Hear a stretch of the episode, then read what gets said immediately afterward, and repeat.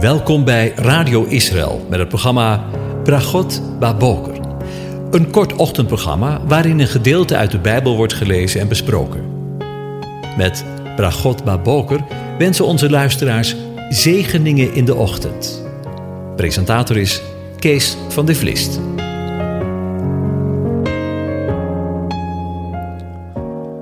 Goedemorgen, luisteraars. In deze vijfde aflevering staan we stil bij de geboorte van Jezus aan de hand van het boek van Gertrud Bakker, met de titel De Joodse Jezus. En we denken na over de herders van Bethlehem. De herders kwamen als eerste op kraambezoek na de geboorte van Jezus. De herders wisten de weg zonder dat er een ster aan de pas kwam en kregen ook nog weinig aanwijzingen van de engelen omtrent zijn geboorteplek. Deze herders blijken speciaal opgeleide herders te zijn. De Talmud beschrijft hen als levieten, die zorgden voor de kuddes die rond Bethlehem vertoefden en waakten over de lammeren, die bedoeld waren om te worden geofferd in de tempel.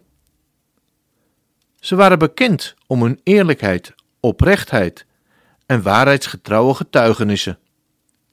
Het beeld van arme herders uit de lage sociale klasse moet dus naar het land de fabelen verwezen worden. Deze herders droegen zorg voor de kudde, waarvan de schapen volmaakte offers moesten zijn. Deze schapen graasden als enige kudde in Israël binnen een omheining. Deze omheining bestond uit sittimhout, dat in een cirkel om de schapen werd gelegd. Dit hout heeft dorens en stekels, en dat had als taak wilde dieren af te schrikken. Een doornenkroon werd gevormd om de lammeren heen. Een prachtig beeld, want toen Jezus de doornenkroon kreeg, wilde hij hiermee laten zien dat hij voor zijn schapen zorgt, als de ware herder van Israël. De herders, die op dat moment de wacht hielden, hadden de taak om de lammeren te beschermen tegen roofdieren en te assisteren bij hun bevallingen. Het schapenras dat in het Midden-Oosten graasde in de weiden en gebruikt werd als offerlam in de tempel, was het awassi-schaap. Deze soort kon twee keer per jaar bevallen, in augustus-september en in maart-april.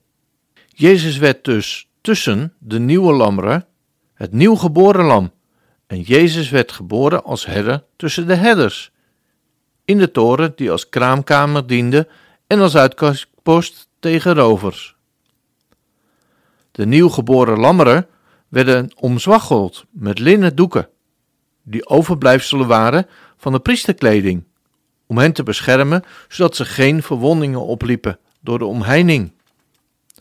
Met deze linnen doeken werden ze ook gebonden als ze werden geofferd.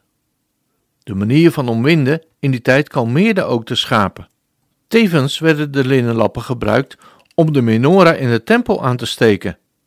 Denk daarbij aan Jezus, dat Hij het licht van deze wereld is. Jezus werd in deze doeken gewikkeld als teken van het volmaakte lam en van zijn hoge priesterschap, en dat hij de offergave aan de mensen was. De linnen doek was ook een beeld voor Jezus' koningschap.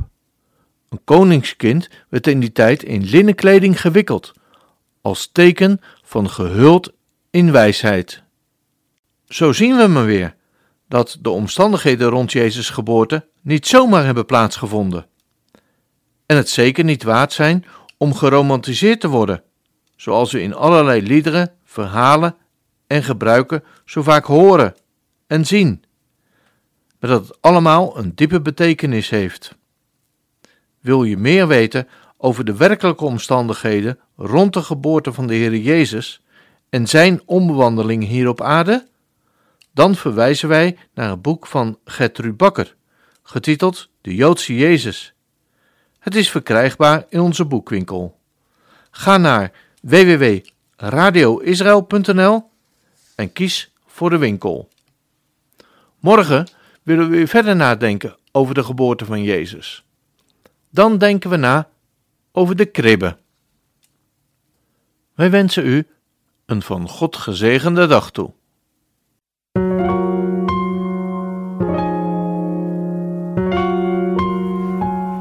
U hebt geluisterd naar het programma Bragot Baboker.